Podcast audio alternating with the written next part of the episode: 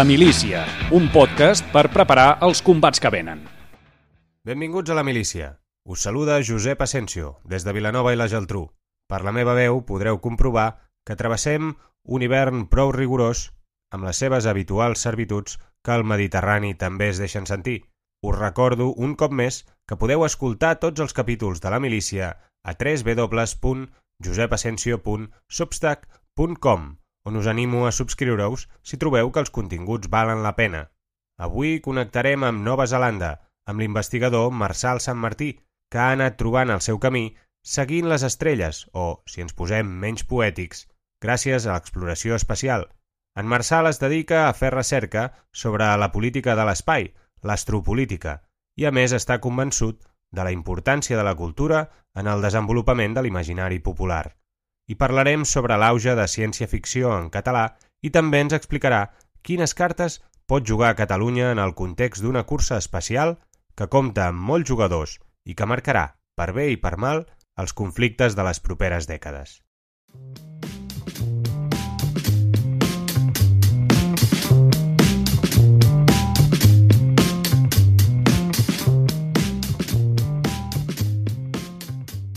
Marçal, benvingut a la milícia i gràcies per atendre la meva trucada. Uh, moltes gràcies, Josep, i moltíssimes gràcies per convidar-me. Avui ens desplacem a Nova Zelanda, uns quants milers de quilòmetres, per donar-te la benvinguda. I per començar, per aquells que, que els oients que no et coneguin, m'agradaria que ens expliquessis una mica qui ets i què fas. Bé, doncs uh, jo estic fent, soc uh, uh, faig recerca en un eh, think tank de política internacional d'aquí a Nova Zelanda que es diu el New Zealand Institute of International Affairs i la faig en temes de la política de l'espai exterior extropolític o, o astropolítica. I també sóc analista de polítiques pel govern de Nova Zelanda al Departament d'Afers Interns. I bé, la meva història és bastant clàssica en el sentit de que bé, jo vaig conèixer una noia nova zelandesa a Barcelona, i al cap de quatre anys visquem junts a Barcelona, doncs vam, vam decidir uh, provar sort aquí a Nova Zelanda i, i força bé, la veritat. I quant, quant temps portes a Nova Zelanda? Uh, vaig arribar el 2016, doncs farà set anys a l'octubre. déu nhi ja, ja tens una bon, un bon bagatge com a neozelandès, no? Sí, sí, sí. I la veritat és que es necessita gent. O sigui, que si tineu un nivell eh, així d'anglès bo, eh, es necessita de tot. Es necessiten cambrers, es necessiten paletes, també gent que treballa al govern, o sigui que país d'oportunitats. Si ho tinc ben entès, doncs, i ens ho acabes de dir ara, per tant sí que ho tinc ben entès, el teu camp d'investigació o un dels teus camps principals és el que s'anomena l'astropolítica.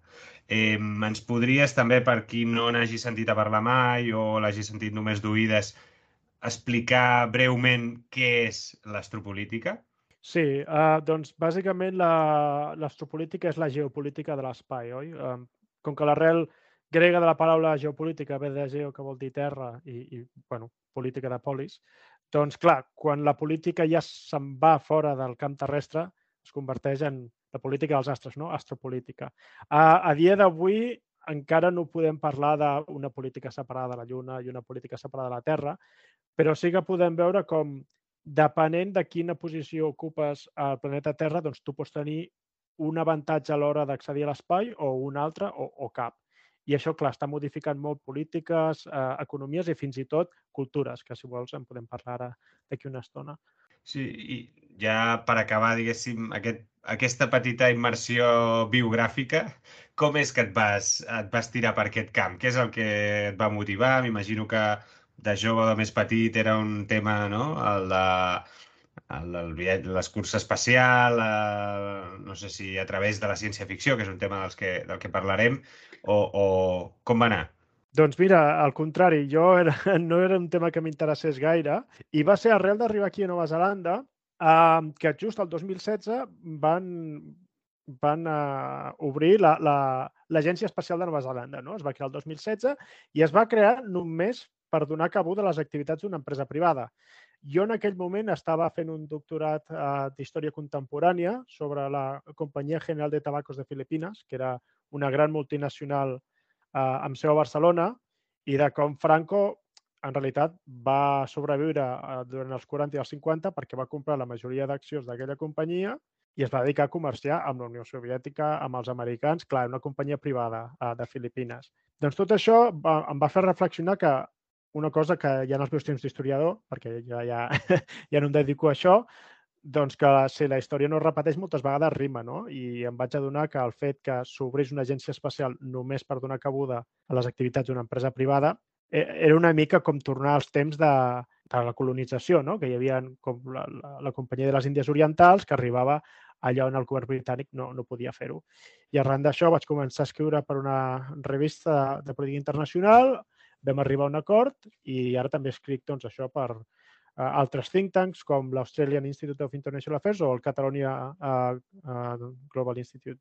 Correcte, el Catalonia Global Institute, en el qual no fa massa has publicat un article eh, en el que parles eh, una mica, el resumeixo molt, molt breument, eh, si de casa ens ho, ens ho, tu ens ho desenvolupes. Però ens dius que aquest camp, en aquest camp, Catalunya hi, hi té unes certes oportunitats, té un camp per córrer i que no hauríem de desaprofitar-les. Eh, per què ho penses, això?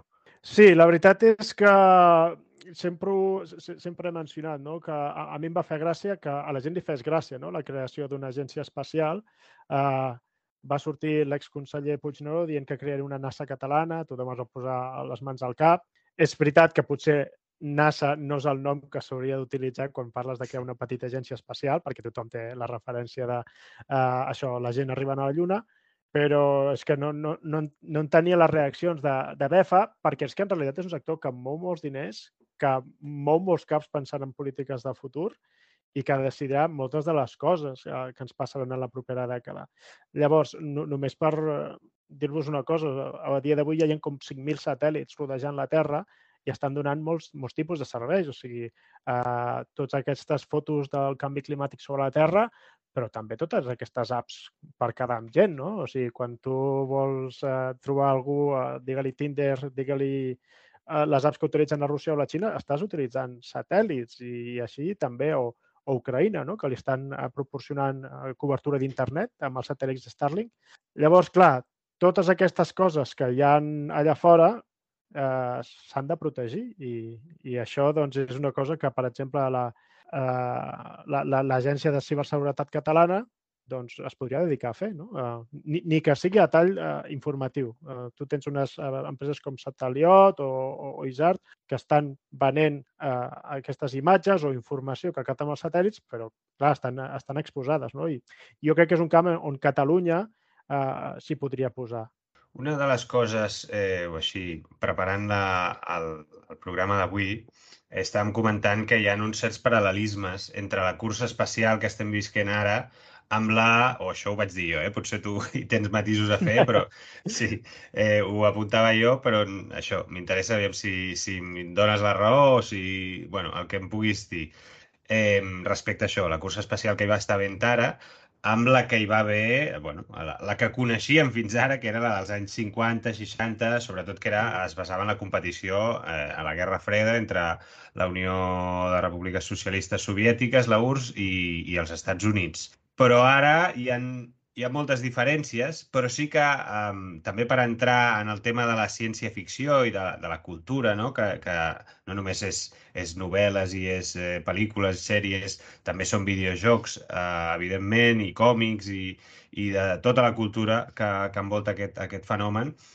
Llavors, això també ho, ho parlàvem i tu em deies, llavors hi havia el, el, el gran temor de la bomba, d'una guerra nuclear, vaja. I ara així per posar comparacions i, i per parlar d'una sèrie que tu em vas recomanar, que era el de, de, de Silent Sea, era? El, sí.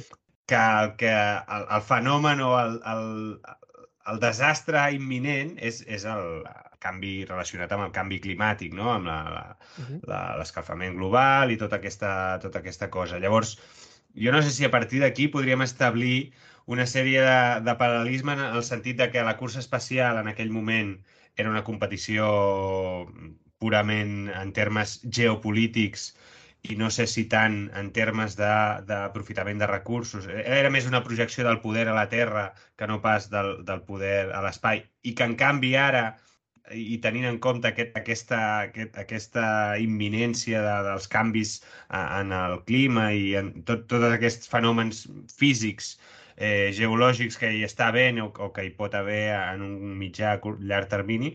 Ara és més una qüestió més de més real, potser. O sigui, és una cursa espacial en la qual sí que es busca anar a buscar aprofitaments energètics, recursos minerals, eh, ja no és només una projecció del poder a la Terra, que també, òbviament, sinó que ja hi ha una cosa més eh, més de anem a buscar-nos les garrofes a fora del planeta perquè el planeta mm, no sabem si aguantarà o no. No sé si ho veus així o no, m'he allargat molt en aquesta. Sí, no, és, la veritat és que és un punt de vista molt interessant i estic eh, d'acord en, en part. Um, de, deixem que dongui eh, una mica d'explicació al meu punt de vista.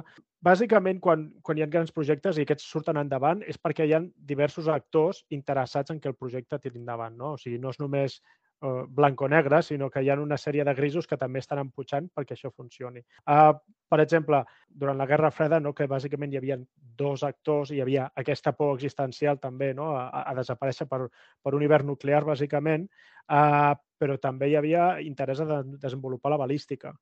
No? O sigui, de dir, bueno, és que tirar coets és tenir millors missils, no? Doncs clar, ja tens un element militar.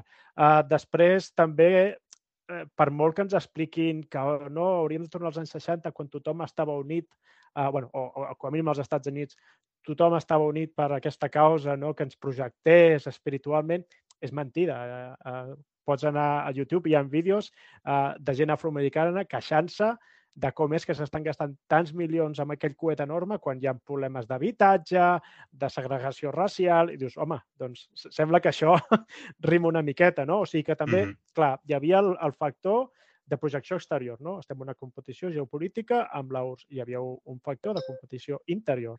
bueno, no, de competició interior no. De tensions interiors, no? Que, que, es, que es volien alleujar i també hi havia aquest factor d'interès de, de desenvolupament tecnològic. Eh, doncs ara està passant una mica el mateix.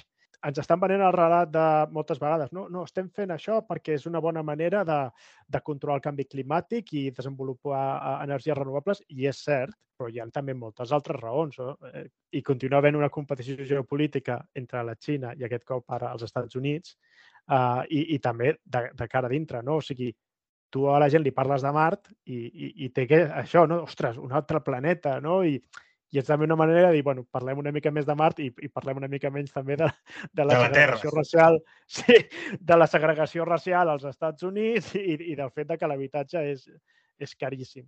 Doncs això, eh, la, la història no, no, no repeteix, però a vegades rima una miqueta, no? I si una cosa t'ha funcionat abans, és normal que la tornis a intentar. Potser també una de les diferències amb llavors és que, bueno, ara, ara ho comentaves, no? Eh, mm eh, sí que és veritat que eh, vinculada a l'agència, a la NASA i a l'agència espacial russa hi devia haver nombroses empreses, no?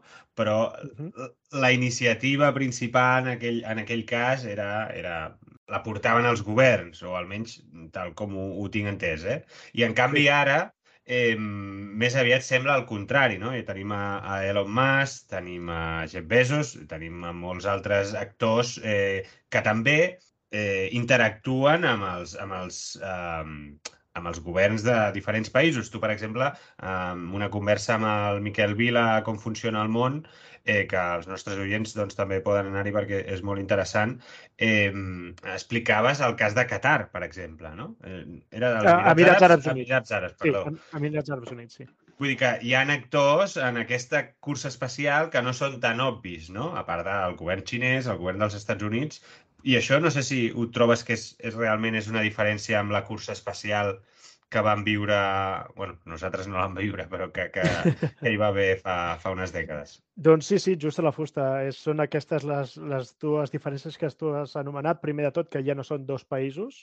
En realitat, eren també una mica dos blocs perquè tant Austràlia com el Regne Unit van ajudar durant els Estats Units durant la primera cursa espacial. Però sí, sí, ara hi ha països que van pel seu compte, no? I has mencionat els Emirats Àrabs Units, que està tancant una, està trencant una miqueta el que hi havia el temor de que passés, de que hi hagués un taló de ser a l'espai, no? O sigui, hi haurà la base espacial americana amb els seus aliats i la base espacial xinesa amb els seus aliats. I ara ens estem trobant que països com això, com els Emirats Àrabs Units, estan col·laborant amb els dos. Així com Europa ha deixat de col·laborar amb Rússia i recentment també està deixant de col·laborar amb la Xina a l'espai, hi ha això, una tercera via, una tercera via o, o això, uns països no alineats que diuen no, no, eh, jo amb els dos, jo col·laboraré amb els dos i en trauré profit.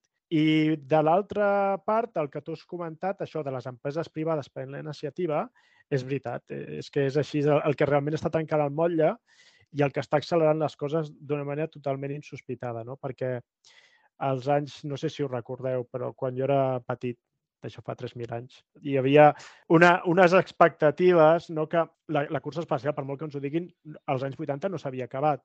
Jo mirava un, un, un programa TV3 que es deia Buck Rogers i era d'un tio que s'adormia en un transbordador espacial que hi havia com un tipus Challenger perquè estaven, la competició estava continuant i la gent s'ho pensava, no? que les coses continuarien, però la, la, la URSS es va esfondrar i, i, va, i, va, i va caure tot. Però, en canvi, ara amb les empreses privades Uh, jo crec, i això és una opinió perquè encara falta molt camp per córrer, que s'estan obrint dos escenaris. El primer és uh, el de l'època colonial dels segles uh, XVII i XVIII, no? que tu tens una grandíssima companyia capaç d'arribar on tu no pots, com el, això, la companyia de les Índies Orientals uh, angleses o les holandeses o, o el que jo he dit, no? la, la companyia general de tabaques de Filipines, que va néixer també com una companyia colonial. I clar, agafen tant de poder no? que que són massa grans per caure. Llavors, què va passar quan la companyia de les Índies Orientals anglesa eh, ja, ja no és rentable? Doncs que el, el Regne Unit depenia tant d'ella que, que la va haver de rescatar. I si la rescates, t'has de quedar eh, tots els actius que té. I això vol dir possessions, eh, vull dir, trossos de terra. I, i això va donar pistoletada d'una colonització efectiva. No? Aquest seria un primer escenari, no? eh, que SpaceX es fes molt gran i, i molt imprescindible i els Estats Units l'hagués de rescatar i llavors hagués de reclamar trossos de la Lluna o de Mart, cosa que la legislació actual no permet, però bueno, la legislació està allà per retorçar-la, com, com bé sabem, sigui nacional o internacional. Mm -hmm. I un segon escenari, que jo, bueno, fa temps que tinc un, un article al calaix, però i encara no ha sortit, que és uh, l'escenari Weyland Yutani. No sé si heu vist mai les pel·lícules d'Alien. No sé si estàs familiaritzat. Sí, la veritat és que la tinc pendent. És una d'aquelles que no he vist i que... Vull dir, que és, de fet, m'havia marcat que el 2023 veuria com a mínim les dues primeres, segur. Sí, les dues primeres, les demés te les pots estalviar.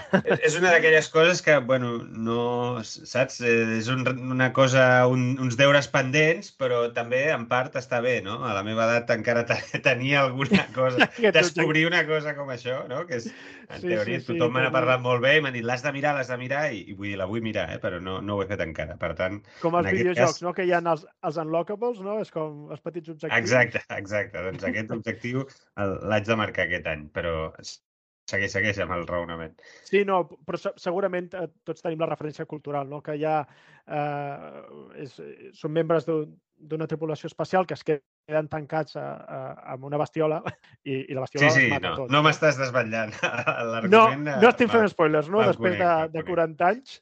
Uh, però clar, el que és molt interessant és que com més mires les dues pel·lícules te n'adones que el dolent de la pel·lícula en realitat no és la bestiola, perquè la bestiola és bastant simple i bastant bàsica, no? És, dir, està, és, és com si tinguessis eh, d'animal de, de companyia un cocodril. Doncs, home, és normal que alguna arrencada de braç t'enduguis. El que realment es veu en les pel·lícules és que hi ha una gran corporació que li dona igual que la tripulació mori, no? Ell vol aquell espècimen perquè pot crear doncs això, noves tecnologies, nous fàrmacs i, i tenir fins i tot un, poder polític. No? I aquest és el segon escenari que jo crec que podria ser previsible amb companyies com SpaceX. No? Tu et fas tan gran i tan poderós i estàs tan lluny que et converteixes a, en un poder polític nou, no? I, i que pots fer i desfer fins i tot tenir agafat per les parts més baixes al govern de torn, cosa que ja passa a dia d'avui als Estats Units amb grans empreses com... Des del lobby del cacauet, que és una cosa que ningú en parla gaire, a, no, com no, això, no? Si de cas, en un proper capítol eh, sembla, sembla interessant això del lobby del cacauet, la sí, veritat. No, no, és, és eh, us ho recomano. O, o fins i tot empreses com Lockheed Martin, no? que, que fa de tot, incloent-hi armament. Però, clar, eh, són tan imprescindibles doncs, que, que tenen molt de pes polític, no? I si s'ha de donar un cop d'estat a, un cop d'estat a l'Amèrica Central o l'Amèrica del Sud, doncs es fa perquè la companyia de torn ho, ho desitja. Per tant, eh, això, el que dibuixes és, és o, o un poder... És, en els dos casos, eh, en realitat, eh, estàs dibuixant eh, un poder bestial de, de les corporacions. En un dels casos, eh, potser aquest poder es transfereix al poder públic, mm. no?, per, per, pel, que, pel que sigui, però, però en els dos casos estem veient aquests monstres. Eh, Parlem-ne una miqueta doncs, d'aquests monstres, una mica de què estan fent exactament i per què són, no? allò que es diu sempre, són disruptius. Eh, què és el que ha fet? Més o menys crec que ho, ho tinc, ho, ho sé, però vull que m'ho expliquis tu. Mm. Què, què és el que ha fet SpaceX, per exemple, tan diferencial respecte a, a com es feien els llançaments uh, de coets fins ara, per exemple? És que, clar, SpaceX ha fet dues coses, aplicar les lògiques de l'empresa privada i aplicar les lògiques de la programació informàtica, que això ho ha introduït Elon Musk i al principi va ser molt polèmic, no? perquè bàsicament ell el que ha fet és començar a fer coets i si funciona, funciona, i si explota, doncs bueno, ja sabrem per què ha explotat. No fa un procés públic de, bueno, mira tu tot bé abans d'intentar-ho. I llavors molta gent, molts moltes persones que Elon Musk considerava herois seus, no? pilots de la NASA, van començar a criticar com, ostres, no pots anar despilfarrant recursos i, i, i fent explotar coets així com si res. Vull dir, algú pot prendre mal o, o estàs creant frustració i ell s'ho va prendre molt personalment. I no, no, és així com funcionen les coses, no? I s'està creant el debat als Estats Units és o la NASA és molt ineficient o SpaceX, escolta, eh, Elon Musk és un geni. Eh, com sempre, hi ha una mica de les dues coses, no? Realment la NASA és una cosa bastant lenta, eh? les coses de Palacio van despacio, com diuen en castellà, i Elon Musk realment eh, és molt propens als riscos, no? Però eh, qui, qui, qui, qui arrisca pisca, no? I en aquest sentit, eh, moltes de les eh, coses que fa Elon Musk, moltes no surten. No sé si veu veure aquell vídeo que hi havia... Un, o estava fent una camioneta que es deia el Cybertruck i va llançar una pedra contra el vidre que en teoria és irrompible i davant d'un auditori de milers de persones es va trencar el vidre, no? Ho va tornar a intentar i el vidre es va tornar a trencar. Clar, tothom va fer molta mofa, hòstia, aquest tio...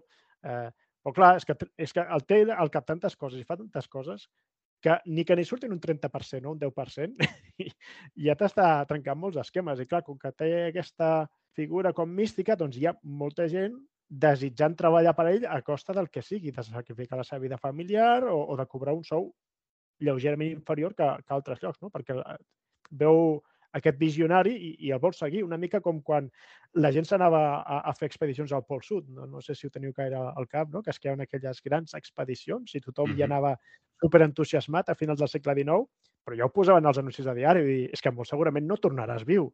Però bueno, sabien vendre el producte i, i hi havia molta gent amb poc a perdre i, i, i s'hi apuntaven a pales. Llavors, clar... I, a nivell tècnic, eh, en realitat, o sigui, el que ha aconseguit és que llançar un coet a l'espai sigui molt més barat, és això? Vull dir, resumint molt, és, és això el que sí, ha fet? Sí, sí, just a la fusta. I és una de les coses que realment poden accelerar-se molt precisament aquest any 2023, perquè primer ho ha aconseguit, per exemple, això, fent que tu puguis tenir coets reutilitzables. Abans es, es, es destruïa un coet cada cop que es feia un llançament i això són, clar, són milers de milions de dòlars i ara, com que ell ha rescatat una tecnologia que als anys 60 la NASA va provar i no li va sortir bé, ell ho va tornar a intentar, ho ha aconseguit, a diferència de moltes altres companyies que encara ho estan intentant, i clar, això ha fet que el cost de penjar coses a l'espai caigui dramàticament. I el que aquest 2023 vol aconseguir és fer el primer vol amb Starship. Starship és com una petita nau espacial que el que farà és que tingui una capacitat de càrrega molt superior a la que s'està utilitzant a, a dia d'avui, no? Que a vegades multiplicant-ho per 10. Això què farà? Doncs que pujar coses a l'espai encara sigui molt més barat i, clar, hi ha tota una sèrie de companyies, no només als Estats Units, però a Europa, a Rússia i a la Xina, o fins i tot a la Índia, que li seguiran el camí, no? Diu, ostres, uh, anem-li a fer la competència a aquest senyor. I com que Clar, això, moltes... això és el que t'anava a dir, perquè jo soc totalment ignorant en aquest sentit. Eh, mm. La transferència o la, la... És a dir, la tecnologia en el moment en què ell l'adopta, eh, m'imagino que és més fàcil si tu la veus o la pots copiar-la és més fàcil, no? Si hi ha algun sí, sí, pioner, sí. encara que Clar. tingui la patent, m'imagino que als xinesos això els hi deu ser igual, no? I per tant, és més, si un ho fa, diguéssim que llavors ja eh, és més fàcil que ho faci tothom, no? Efectivament, i és per això que a dia d'avui hi ha dues estacions internacionals, la internacional i la xinesa, perquè els Estats Units van posar un veto a la Xina perquè estigués a l'estació internacional hipiant eh, què, què, què fan els demés. sí, que sí, sí, l'espionatge industrial existeix aquí i a la Lluna, a Mart i on vulguis. Clar, un cop vaig llegir que això és una cosa que ja que vull dir, em fa... M'agrada poder-te tenir perquè ho vaig llegir fa temps que Jeff Bezos ja, el tema de, de, de l'exploració espacial, de viatjar a l'espai, era una cosa que tenia ficada al cap des de feia molts anys, des de que era, no sé si era petit, però des de molt de temps, abans de fundar Amazon i tot. I ja quan va començar a fundar Amazon eh, i començar a fer calés, eh, va sufragar una expedició al fons del mar per recuperar una nau, no sé, no et sé dir exactament quina, una de les que la NASA, diguéssim, que es van estavellar al fons del mar, per poder eh, recuperar eh, la tecnologia i per saber exactament com però a mi el que em sobta d'aquesta història, no tant de, de lo sonat que pugui estar el Jeff Bezos o no, perquè entenc que vull dir, té la seva lògica si, si ell també vol crear no? en Blue Origin, si de cas ara en parlarem, sí. però eh, el que em sobta és que a la... això vol dir que a la NASA la capacitat o la tecnologia o el coneixement d'enlairar coets s'ha anat perdent? O com, com funciona això? No, no que se n'és perdent, però clar, és que ell, ell no, no ho volen transmetre tan fàcilment, no? O sigui, eh, ni, ni que sigui per una qüestió de seguretat nacional. O sigui, la NASA és una empresa pública dels Estats Units que està tractant amb, amb això, amb balística, no? O sigui, et pot fotre un coet que o pot anar cap a l'espai o pot anar directament cap a Rússia o la Xina. Llavors, clar, són bastant celosos de compartir certes coses, però clar, si aquesta cosa ja està llançada i la NASA ni se li acut ara de, de, de, de fotre's a buscar sota el mar, doncs clar, per això, per, per això ho va poder fer. Eh, de fet, és que és una cosa bastant normal. Aquí al Pacífic Sud tenim una cosa que es diu Pont, Point Nemo, Punt Nemo, que és on hi ha tota la ferralla espacial soviètica. O sigui, no sé si te'n recordes l'any 2000 que eh, la gent tenia molta por que hi hagués una estació espacial que es deia la sí. Mir, doncs la tenim aquí al costat de Nova Zelanda, sota el mar. I segura... Sí que va caure, no? Sí, sí, sí que va caure. Eh, doncs clar, també és una cosa que l'astropolítica tractarà, no? De dir, bueno, potser ara ja no és tan segur enterrar les coses sota el mar, eh, perquè, tot i que pot estar obsolet, no vull que certs secrets industrials caiguin en mans d'aquest o de l'altre i que em vinguin amb un petit submarí i m'ho agafin. I pot ser que a partir d'ara, doncs això, la ferralla espacial es, es tiri fora d'òrbita i, bueno, si, si va patar Venus, doncs que vagi a patar Venus. No sé, són, com, com veieu, en realitat tot això de l'astropolítica té molt a veure amb, amb problemàtiques de la Terra no? I, i de la manera com ens estem organitzant eh, és bàsicament que es, es traslladarà fora del nostre planeta. Obro una nova beta, eh, que també vam dir... Eh, volíem parlar una mica de la ciència-ficció per parlar de, la, de les curses espacials i el primer que se m'acudeix així eh, com a idea molt, molt simple i molt bàsica, és, eh, en realitat, el primer que va començar a parlar dels de viatges espacials ja va començar a fixar la idea de que això era possible. Ho dic perquè, per exemple, hi ha una sèrie d'Expans, que, que sé que tu també l'has seguit, eh, en sí. què hi ha els que es diuen els cinturonians, no? perquè hi ha el, el, el, el que es diu el cinturó, eh, que inclou a la Lluna, no? inclou una sèrie d'asteroides, i allà, eh, diguéssim, aquella gent és com, són com els pringats, no? Hi ha els, els marcians, hi ha els terrícoles i hi ha els, els, els cinturonians, que són aquesta, aquesta com... No és que siguin una espècie diferent tampoc, però són uns humans que estan allà pringant perquè són els, els miners, no? els que extreuen els recursos d'allà i tota la pesca. El que vull dir és, eh, potser després de The Expanse és, ens és més fàcil imaginar que, uh, no sé, 100 anys o en 50, els que siguin, aquesta realitat potser és, és, més, és més possible, saps? És, és a dir, que hi ha aquesta competició entre la Terra i la mar i que hi hagi un tercer en disputa...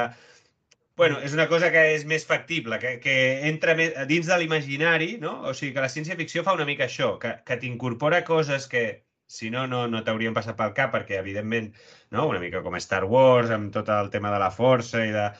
És que et, et va introduint temes i, i idees que, que després, evidentment, s'acaben eh, explotant i s'acaben explorant de formes diferents, perquè al final la realitat material s'imposa, però que obre la imaginació a llocs que, que no seria... No sé si tu també ho, ho veus així, la conceps així, la ciència-ficció, en aquest sentit. Doncs sí, sí, estic totalment d'acord en aquest aspecte. És que realment jo crec que el debat de l'ou o la gallina, qui, qui va ser primer, no? Si uh, la ciència-ficció influenciant la, la vida real o la vida real influenciant que, com es fa la, la ciència-ficció. És una mica com el debat de l'ou o la gallina, que només cal pensar en els dinosaures, no? Els dinosaures posaven ous? Sí. Uh, els dinosaures són anteriors a les gallines? Sí, doncs ja està. Els ous són anteriors a les gallines. El mateix. Uh, es feia ciència-ficció espacial a l'antiga Grècia? Sí. Existien coets a Grècia? No, ja està, ja ho tens. la ciència-ficció realment projecta, no? I, i, I si ho pots imaginar, ho pots fer. I jo crec que has donat uns exemples boníssims, no? O sigui, eh, si fins i tot quan, quan veiem Tintín a la Lluna, que es va publicar als anys 50, i veus aquell, aquell coet així puntiagut, doncs, bueno, algú va començar a mirar aquestes coses, no? I com dic Tintín, dic les obres de, de, Julius Verne, de, de, de Juli Verne i, i moltíssimes coses que van passar abans del curs espacial. No? Uh, Von Braun mateix, uh, el, el creador del de, primer missil, que després va acabar sent director artístic de Disney. Ah, sí? I, això, no, i, això, això no ho sabia. Sí, sí, això, és molt, sí. això és molt interessant.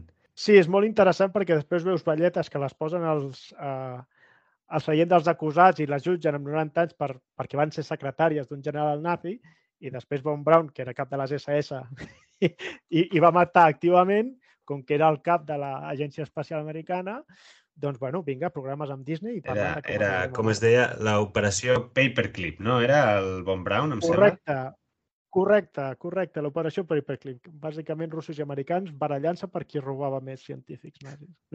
Bueno, segueix, segueix. Perquè... Estaves dient que, que estava a Disney, que va acabar sent... Sí, sí, sí. Ell, ell va acabar, i ho podeu mirar, eh? Poseu Von Braun, Disney, surt un tio, bueno, surt ell, que té una pinta bastant alemana, no? I, I en realitat, Von Braun des de petit estava obsessionat amb Mart i, i, i va fer el primer missil per, per al Tercer Reich perquè ell sabia que aquell missil tard o d'hora podia arribar fora de, de l'espai terrestre. I, i, I va ajudar els americans a fer el, el projecte d'anar a la Lluna perquè volia que després de la Lluna seguís Mart. Ell va escriure l'any 50 i pico un llibre que es deia The Smart Project, que t'explicava a través de la ciència-ficció com es podia arribar amb la tecnologia d'aquella època a Mart. Clar, sembla que algú ja ho tenia molt clar fa molt de temps, que després no es va arribar a Mart ni als anys 60, ni als anys 70, ni als 80, ni als 2010, no? Encara no n'hem arribat. Però algú ha recollit el testimoni i el primer cop que ho va fer, ho va fer a través d'una novel·la de ciència-ficció. Després ho va fer amb un estudi tècnic que també ho va publicar aquest cop en anglès. Però el primer va ser un llibre de ciència-ficció en alemany. Per què? Perquè sap del poder de la cultura, no? I per això trobo que és molt interessant el podcast que tu fas, que parles també de, de les qüestions culturals, no? perquè és que ens afecten molt més del que ens podem arribar a pensar. Sí, ara eh, m'has deixat així pensant, perquè és que justament, vull dir, ho explico perquè t'ho vaig explicar amb tu, em vaig trobar amb Antoni Montner Jordà, que és un dels pioners de la ciència-ficció catalana i que, i que en sap un niu, per, per, per dir-ho breu i clar, sí, sí. Eh, a part d'haver-ne escrit molt i literatura experimental, però de ciència-ficció pròpiament dita també, i vull dir, té una, una obra molt llarga que viu a Vilanova i la Geltrú com jo, i vam, ens vam trobar i vam estar parlant, i bé, jo sabia que faria aquest podcast i tal. En Montner Jordà em va comentar, em va posar sobre la pista de Sebastià Estrada, eh, que és, va ser advocat però també era escriptor, eh, nascut al 1923, va morir el 2016, eh, i aquest home em va explicar que s'havia doctorat en dret als anys 60 amb una tesi que es titulava El derecho ante la conquista del espacio. I es veu que, això estem parlant dels anys 60, i es veu que, eh, segons em va explicar el Montner Jordà, elaborant aquesta tesi o aquesta, aquest estudi que va fer, es va cartejar amb Von Braun, precisament, que ara l'estaves mencionant tu i per això m'ha patat una mica acá, perquè era com... I, a més a més, que això és una cosa que ja, ja havíem parlat i que vull dir, també és una casualitat, per fer aquest, aquest, uh, aquesta tesi que es titula El derecho ante la conquista del espacio, que m'imagino encara la tinc demanada a la biblioteca, però encara no me l'he no, no me pogut llegir, però hi és i, i m'arribarà, tinc feta la reserva està basada, està inspirada en el Consolat de Mar. I això eh, és una idea que també, a més a més, m'agrada per molts motius. Eh, un d'ells és perquè quan mirem pel·lis o sèries o còmics o novel·les, el que sigui de l'espai, la vida a la nau és, és en realitat s'assembla molt a la vida a, o sigui, a totes les pel·lis i sèries dels bueno, mariners, no? De la vida de les grans expedicions clar, clar, clar. nàutiques, vull dir, que és molt similar l'ambient, no? Al final estàs en, una, en un medi més o menys hostil, sempre, no? A l'espai sempre passen coses.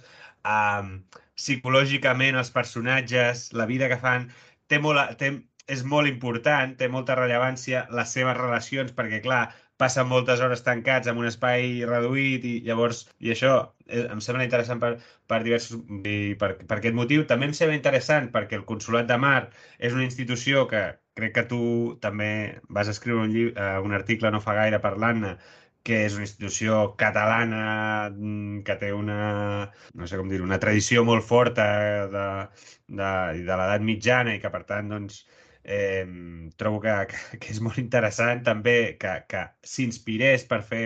I després per aquesta cosa de, que et deies tu fins ara, que en realitat, i d'això també n'has parlat i n'has escrit algun, en algun article, que el dret de l'espai eh, és una cosa que existeix però que tampoc no, no està gaire ben fixat, no? I per tant, eh, bueno, en realitat no sé quina pregunta fer-te, eh? però no sé què, què et fa. Quan, quan t'ho vaig explicar, perquè això t'ho vaig explicar a tu, eh, que m'havia fet sí, aquesta sí. troballa, què, què et va semblar? Vull dir, com, com ho vas... A mi també em va, em va esclatar el cap, o sigui, és, és fantàstic, perquè és que realment veus com els momentums culturals existeixen i si Von Braun estava eh, tan interessat en saber com funcionava el Consolat del Mar és perquè ell sí que tenia al cap això, l'expansió espacial i saber que i, i suposo que com jo també tenia una mica al cap que tornem a, un, a una era de l'exploració, no? I això vol dir doncs, anar amb espais reduïts, a passar eh, moltes calamitats, i, però també no? l'atracció la, de la fascinació de descobrir coses noves. És com, per exemple, una de les coses que no se sap gaire és que la màfia siciliana es va originar perquè van descobrir que la vitamina C de la llimona ajudava amb no sé quina malaltia que tenien els, els mariners, o sigui, l'escorbut, una cosa així. Llavors, clar, Sicília està just al mig del Mediterrani, tenia molts llimoners i aquests llimoners havien de ser protegits. Aquesta és molt bona, eh? aquesta no la sabia. Llavors, clar, eh, llavors és que pot passar exactament el mateix amb l'espai. De fet, jo és una cosa que m'agradaria aprofitar que estic aquí per, per alertar i esperonar la indústria catalana. No us deixeu embobar pels coets, o sigui, a, això és com quan hi havia la febre de l'or, o sigui, qui es forrava no eren els que anaven a buscar l'or, eren els que venien les pales i els pics. Doncs exactament el mateix amb els coets. Hi ha més d'un centenar de companyies que fan coets ara, a dia d'avui, o ho intenten. D'aquestes en sobreviuran 10. Òbviament és molt romàntic veure aquell coet que puja amunt i, pom, i fins i tot quan esclata, no? Ostres, tu! Uh, però en realitat, una de les grans oportunitats està uh, en la farmacologia. o sigui, uh, quan estàs a l'espai perds densitat òssia. Uh, el cor també se't fa més gran. Uh, la retina se't desprèn. Ostres, doncs tenim una indústria farmacèutica i, i, i de la medicina potentíssima que quan parlem d'economia de l'espai exterior no ens hem d'obsessionar només amb els coets i, i, o els satèl·lits, no? o els trets mm -hmm. notes. És, és tot un món eh, que, que tenim al nostre abast i jo crec que realment Catalunya té un, poten, uh, un potencial enorme també per la qüestió cultural. Tu ara has mencionat que ets de Vilanova i la Geltrú i que has parlat amb el Moner Jordà. Doncs també saps que sou la seu de la Societat Catalana de Ciència-Ficció i Fantasia, oi? Sí, sí, sí. I, sí. i realment hi ha, i, hi ha un boom de, de creació de ciència-ficció catalana i en català i de traduccions uh, al català d'obres originalment escrites en anglès, però també en polonès, no? com Solaris. Doncs clar, tot això Solaris me la vaig comprar la setmana passada, precisament. Eh? La tinc allà a, a la pila. Doncs, doncs clar, tot això és un caldo de cultiu que ben connectat pot donar uns fruits molt, molt i molt sucosos. I, i, i com estic parlant del punt de ciència-ficció, que a mi m'agradaria més que n'hi hagués d'especial, no? Tot i que uh, una de les noves editorials que es dediquen a la ciència-ficció, que es diu Espècula, ha, ha publicat una, una sí. novel·la que, de Carmen del Río que es diu Mara, que tinc moltes mm -hmm. ganes de llegir. I és també una mica esperonar la gent, no? Que si teniu una, uh, una novel·la de ciència-ficció al calaix d'espacial, doncs que aprofiteu el moment perquè és que us la poden comprar ni que sigui per imaginar-se les coses que passen en el futur. El boom del manga en català, tres quartos del mateix. O sigui, hi ha un fotimer de manga i anime eh, especial que tracten temes de política d'una manera molt i molt profunda, que això també ajudarà no només a revifar el català entre els jovents, sinó que a, a, a fertilitzar encara més aquest caldo cultiu. I els videojocs, tres quarts del mateix. Hi ha un que es diu Star Citizen, que és una simulació de, exploració espacial i hi ha un grup eh, català que es diu Cavallers del Cel, que ja té un equip que es dedica a navegar l'espai exterior en català eh, amb aquest simulador, no? Clar, si això sap connectar, doncs pot donar grans fruits com als Estats Units o a la Xina, no? Perquè tots anem així amb la jaqueta, la suadora de la NASA, quan podríem portar perfectament la de l'Institut d'Estudis de, Espacials de Catalunya, no? l'IEC. Però, bueno, això pot donar Parla, per molt. Parla'ns una mica de l'IEC, perquè és una, és una institució eh, que en algun article, si de cas, eh, quan pengi el podcast ja intentaré posar alguns enllaços tant de d'algunes obres que ens recomanis, dels teus articles, etc. Però parla'ns de, de l'IEC, eh, una mica, ni que sigui una mica molt breu, la seva història i sobretot a, a què, què es dedica i què, què és el que fa l'IEC. Sí, l'IEC ja, de fet, ja fa molts anys que es va crear per una iniciativa privada, és l'Institut d'Estudis Espacials de Catalunya, i, i fa moltíssimes coses. Mira, recentment han publicat que ofereixen ajuts, bequen a gent perquè vagin a estudiar a la Universitat uh, Internacional de l'Espai, a, a fer cursos per, per això, per, per adaptar-los, perquè la gent que s'acaba de graduar s'adapti a les demandes de l'economia de l'espai. Uh, què, ha, què està fent l'IEC o, o quin canvi de rumb ha fet recentment? Eh, tornant al que hem comentat al principi, no? que el conseller Puigneró va dir que faria una NASA catalana i tothom es va posar mans al cap i oi, oh, Espanya no ens deixarà. En realitat, una agència espacial pot ser qualsevol cosa. O sigui, la gran majoria d'agències espacials que hi ha al món, que n'hi ha com unes 80, incloent-hi països com Ghana, Ruanda, Singapur o Taiwan, ni tan sols es diuen agències espacials, es diuen Institut Tecnològic de, i l'únic que fan és aglutinar les activitats relacionades amb, amb l'espai exterior, les educatives, les econòmiques o les legislatives. Doncs, després de fer una sèrie de consultes el, amb, amb, amb el sector, eh, doncs això, la Generalitat va decidir que no feia falta crear res de nou perquè aquest institut ja feia més o menys aquestes funcions. Llavors, estan aprofitant aquest institut per eh, coordinar-se millor el sector públic i el sector privat i cada cop eh, l'IEC està agafant més el, el rol que seria el d'una agència espacial catalana. Llavors, hi podem trobar des de... Crec que organitza algun tipus de congrés o de fira, em sembla, no sé si anual o bianual, em sembla que ara, ara ho, ho dic de memòria perquè ho vaig veure així sí, sí, fent sí. una mica de recerca. I també eh, eh, té dintre els seus associats empreses, pròpiament empreses de la indústria espacial o, o relacionada amb l'espai sí, sí. catalana. Sí, i també molta, molts temes educatius, també estem pulsant l'Observatori del Montsec, que és en realitat, a part de, uh, d'ensenyar astro astronomia, també estan uh, rastrejant no? els satèl·lits que, que enllacen la, la Generalitat, no? els dos satèl·lits, l'Enxaneta i el Menut, també s'està fent amb la col·laboració de l'Institut d'Estudis Espacials de Catalunya. Uh, es coordina amb la UPC, es coordina amb altres universitats, i, i bueno, també amb, amb l'aeroport de Lleida Alguaire, que jo crec que, que Lleida té un gran potencial per ser el, el centre de la indústria espacial catalana, perquè, clar, no tot ha d'estar a Barcelona. O sigui, I a part els hi donaria com... Pot semblar una, una bestiada, no? Però el fet de que a Texas hi hagi els Houston Rockets tampoc és, és casualitat, no? És, és vincular Texas no només amb els cowboys i les armes, sinó també amb l'imaginari espacial, i això Lleida ho podria fer perfectament. Què s'hi podria fer a l'aeroport del Guaire? Quin, quina utilitat? O sigui, que, que... Perquè entenc que llançaments, de moment, uh, ho descartem, no? Sí, clar. Per fer un llançament necessites el, uh, el permís uh, d'Espanya, de la Moncloa, i en realitat Espanya ja ha decidit quins, quins llocs de llançament serien. Uh, hi ha un a Andalusia, i segurament hi haurà una a les Canàries, no? perquè les Canàries està molt ben posicionada, està força aïllada, està a prop de l'Equador, però el que han dit que volen fer a Lleida és eh, que es facin proves, proves de, de rendiment de motors, per exemple. No? Tu enlaires molt amunt el coet i dius, bueno, això va bé, això no va bé, i es veu que hi podria haver una gran demanda perquè en realitat un d'aquests, uh, un centre de proves d'aquestes característiques uh, només hi, hi ha una a Alemanya en tota Europa. Llavors, doncs, clar, jo crec que està molt bé veure les oportunitats, no, no obsessionar-se amb llançar coets per poder dir uh, Lleida, tenim un problema, sinó per veure les moltíssimes... Seria, seria molt bonic, eh? Veus? Ho, veus, ho veus o no? Ho veus o no? Seria molt bonic. Doncs des d'aquí una crida. Des d'aquí una crida, va. Sí, Uh, sí, però, sí. I un altre dels, dels, dels punts que jo crec que pot ser molt interessant per la indústria espacial catalana és Perpinyà, perquè a Perpinyà és el centre de...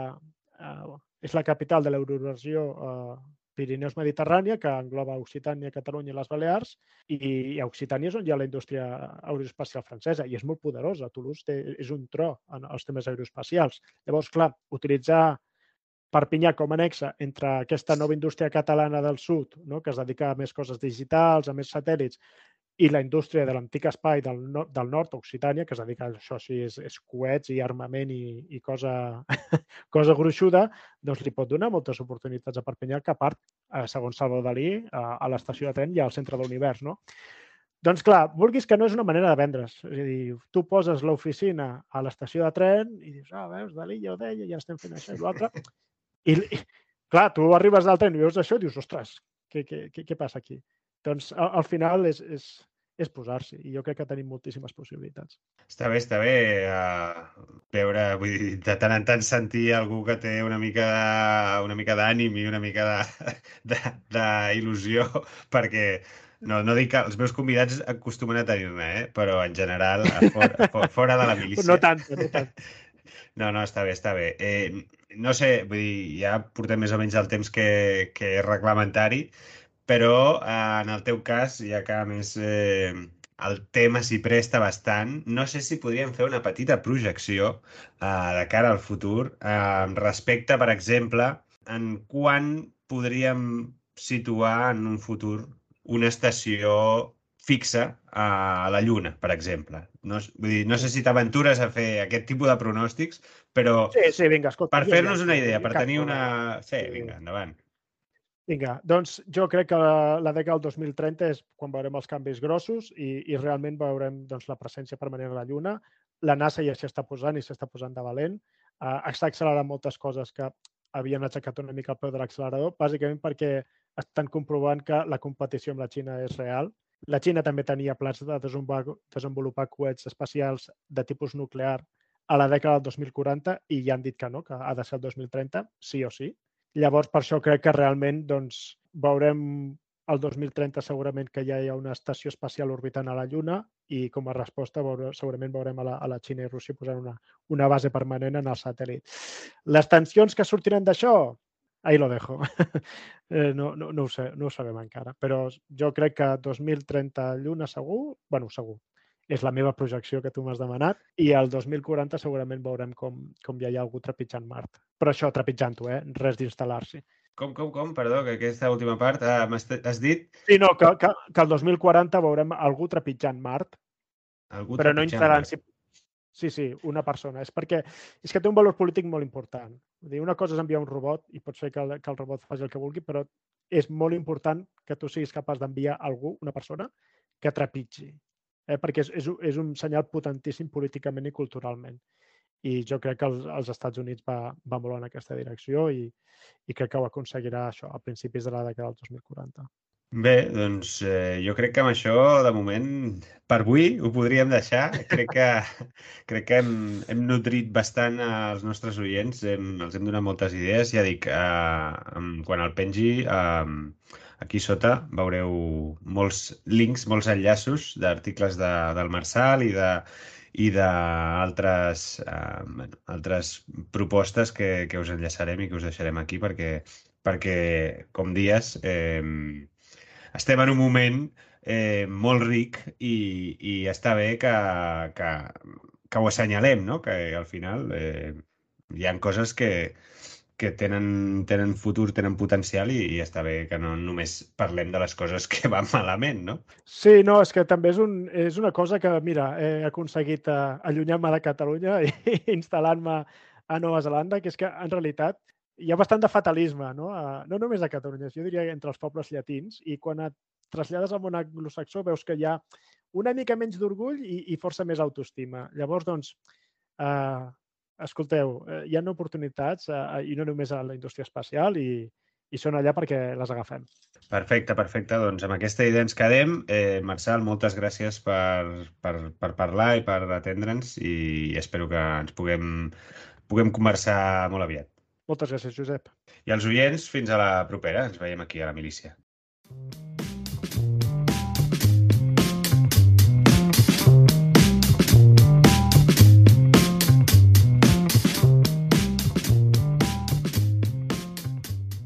La milícia, amb Josep Asensio.